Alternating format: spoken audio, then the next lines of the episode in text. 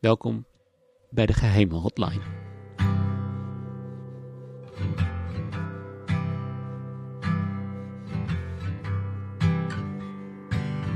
Dit is de eerste aflevering in de reeks van de geheime hotline.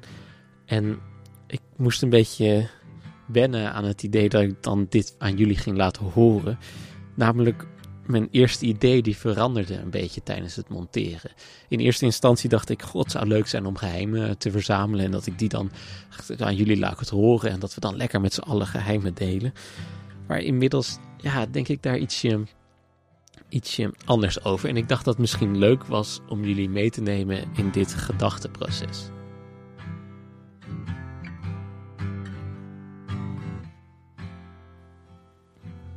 Toen ik de eerste geheim binnenkreeg, toen was ik zo opgewonden over dat iemand mij dat toevertrouwde, een geheim. En ik luisterde en ik, ik hoorde de iets wat zenuwachtige stem. En, en eigenlijk gingen mijn gedachten gelijk aan dat ik probeerde voor te stellen wie deze man was. Het is een mannelijke stem.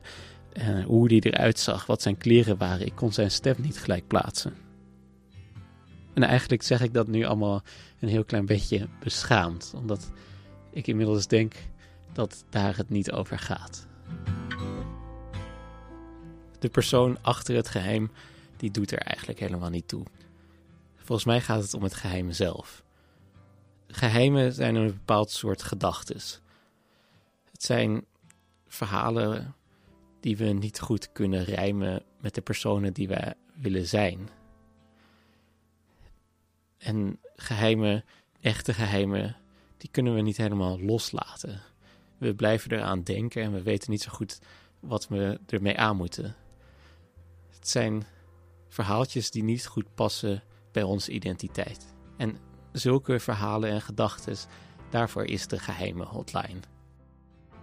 Beschouw de geheime hotline als een cafégesprek. Een gesprek dat je niet voert met je beste vrienden, maar een paar uur later, als zij al naar huis zijn en jij alleen over bent met de barman, met hem een goed gesprek begint en dat je een uur praat over dingen waarvan je dacht dat je ze die nooit zou vertellen. En deze barman die zal je nooit meer tegenkomen. Voor hem ben je iemand zonder een naam. Dat is de geheime hotline. Wil je ook zo'n gedachte kwijt? Zo'n geheim? Ga dan naar kabercollectief.nl slash geheimenhotline. Deze aflevering heb ik, Jochem Veenstra, gemaakt met Guy Corneille. Na het geheim zingt en speelt hij het nummer Armageddon Cinderella. Breathe. Grit your teeth. It's not Armageddon. Je hebt de geheime hotline gebeld. We zijn benieuwd waar je mee zit. Spreek iets in na de piep. Um, ik had een vriendinnetje, een zomerliefde, een paar. Uh, een eindje verderop in Nederland wonend. En uh, het was heel fijn, heel gezellig. Echt uh, super lief meisje. Hartstikke verliefd op. Um, Totdat ik op een gegeven moment met haar naar een huisfeestje van haar vrienden ging. En zo haar vrienden leerde kennen. En die vrienden waren eigenlijk alles wat ik niet in mijn omgeving had. Open-minded, creatieve mensen die uiteenlopende seksualiteiten hadden. En in die periode kreeg ik toen een eigen computer op mijn kamer. En zodoende was ik veel meer op Facebook te vinden en kreeg ik veel meer contact met haar vrienden dan eigenlijk met haar. En we bezochten elkaar uh, eigenlijk best wel weinig, maar we hadden wel regelmatig contact.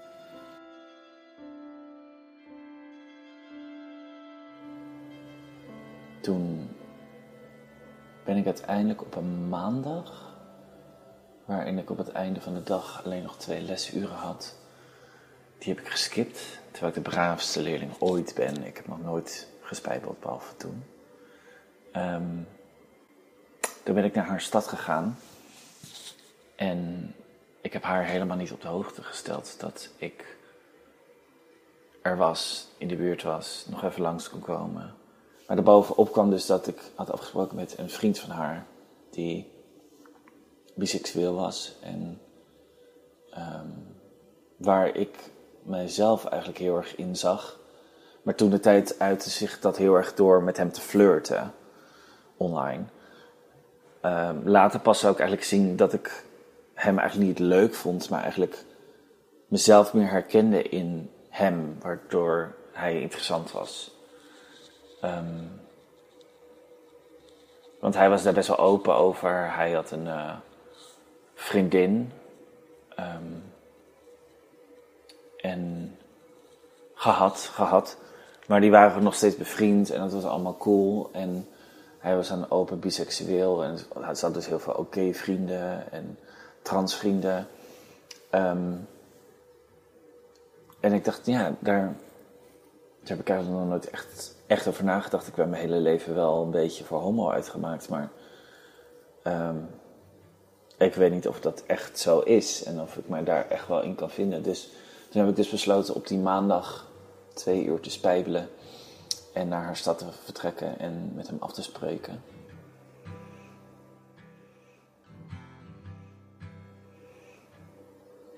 Hun school zat midden in het centrum. En uh, dus ik liep te wachten op een hoek. En hij wist ook dat dat allemaal stiekem was. En toen zijn we vervolgens boven in de V&D in de La Place gaan zitten. En daar hebben we eigenlijk tot sluitingstijd gezeten. Hebben we daar eindeloos gepraat over hoe hij achter zijn seksualiteit kwam, wat zijn geschiedenis met mannen en met vrouwen was, wat hij dan voelde voor vrouwen en voor mannen. En, en het was eigenlijk, ja, eigenlijk een soort van privéles van een biseksueel naar een andere potentiële mogelijke biseksueel. En het was al laat en um, ik weet niet of ik het vooraf al had geregeld, maar ik zou dus bij hem gaan eten. Dus ik denk dat ik achterop ben gegaan op de fiets. Dus helemaal naar West gereden. En toen hebben we daar in een enorm huis, want zijn ouders zijn best wel rijk, hebben we gegeten. En eigenlijk, daar heb ik, ze, heb ik zijn kamer gezien. Hij heeft. Uh, um, we hebben daar nog wel een beetje doorgepraat, maar er is niet echt speciaal iets gebeurd. Ik merkte eigenlijk toen al dat ik, dat ik meer verlangde naar iets dan naar per se naar hem. En uh, ik merkte dat hij ook afstand hield, omdat uh, dat we dit stiekem deden tegenover mijn vriendin. En dat, uh, ja. En toen ben ik weggegaan na het avondeten. En toen zei hij nog van, oh, het had toch elk moment nog fout kunnen gaan als mensen dus binnen waren gekomen. Want niemand wist ervan dat ik daar was. Van zijn vrienden, van mijn vriendin niet, niemand daar. Behalve zijn ouders, die dachten gewoon dat ik een vriend van een vriendin was. Um, en toen ben ik nog, heeft hij mij gebracht naar het treinstation. En ik merkte dat ik daar um, ik had niet ingecheckt en toen heb ik één halte zwart meegereden. Maar ik merkte dat het. Ja, dat het mij eigenlijk heel veel um, opbracht, die, die, die ontmoeting. En toen ben ik um, ja, weer met de trein teruggegaan naar huis. En toen is het uiteindelijk daar ook wel op stuk gelopen, omdat ik um, ik weet niet of mijn vriendin het eerder van hem had gehoord of van mij. Ik heb achteraf wel gehoord dat, hij, dat zij het van hem wel heeft gehoord. Dat we hadden afgesproken. Um, ik heb hem daarna nooit meer gezien. Haar nog een paar keer. Maar toch, elke keer heb ik toch wel een soort van spijt, omdat het. Ik vond haar leuk en. Um, ik vind het eigenlijk heel erg goed van mezelf dat ik dat, wel dat gesprek ben aangegaan. Maar waarom het stiekem moest, snap ik nu achteraf niet. Ik snap dat je als tiener juist wel je horizon wil verbreden, maar dat hoeft niet in het geheim. Aangezien haar vrienden zo erg open-minded waren, had het ook prima gekund als zij het wel wist. Ik denk dat het me veel meer uh, geluk had gebracht. En uh, ja. Het was wel grappig toen het uit was. Toen ben ik nog één keer naar haar toe gegaan, naar haar school. Ze had een optreden en toen op het einde kuste ze me. En ik weet nog dat dat moment, die kus, die heeft zoveel bij me losgemaakt, omdat ik merkte dat het, kwam uit het niks. Uh, het was uit en ik verwachtte het dus inderdaad echt totaal niet. En ik kreeg zo'n loeiharde pik ervan, dat ik eigenlijk meteen al dacht van, wat heb ik gedaan?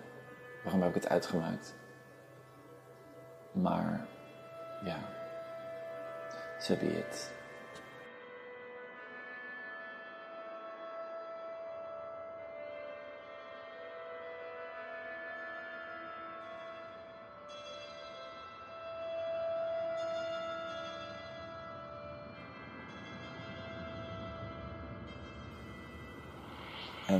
Later, heel pas later, toen dat ik ook al merkte dat ik ook op mannen op kon vallen. En nooit echt een langs, lange relatie met een man had gehad. Uh, kwam ik een jongen tegen die ik eigenlijk eerst zou matchen met iemand anders. En dat uh, was helemaal leuk. Was hij echt heel hartstikke verliefd. Hij was knap. Maar hij kwam net uit de kast, amper ervaring. En op dat moment ja, studeer je al in Amsterdam en is uh, horizon sowieso al wel een beetje verbreed. Maar uh, allebei nog thuiswonend en zodoende kwam, kwam het er maar niet van. En meneer nam geen initiatief en ik was toch ook wel een beetje voorzichtig ermee. Um, en uiteindelijk ben ik door vreemd gegaan, puur voor de seks. Uh, met een muzikant, een zanger. En uh, ik weet eigenlijk helemaal niks meer van hoe het daar was. Ik weet alleen dat na, zijn, na mijn vriend zijn ommaagding in een fucking van de Valk Hotel in fucking Snake of all places, dat ik wist dat het fout zat. En toen, een paar dagen later, was het over en ik was heartbroken for life. En dat is ook eigenlijk nog een hele lange periode ook wil blijven, ben ik weer teruggegaan naar de zanger in kwestie en nog een keer seks mee gehad. En na de seks begon ik keihard te janken. Tenminste. Maar toen kwam hij met een nummer van Charles Aznavour. You've got to learn to live with a broken heart. En eigenlijk maakte dat de cirkel voor mij weer rond. En um, ik heb denk ik nooit echt opgebiecht dat ik ben vreemd gegaan. En ik heb me er altijd wel bezwaard over gevoeld. Alleen ik denk dat het ook toen de tijd gewoon nodig was. Omdat ik blijkbaar echt iets miste in die relatie.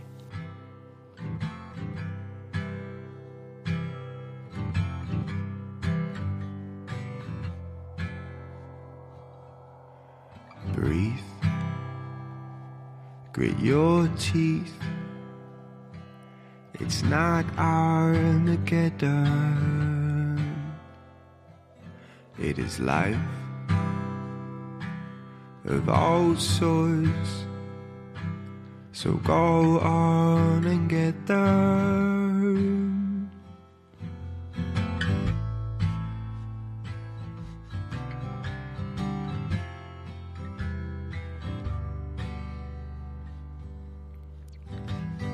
Run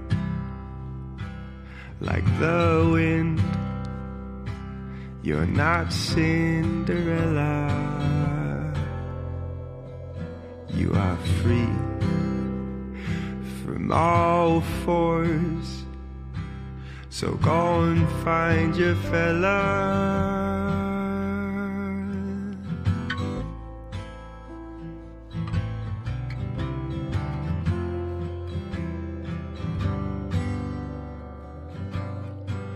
I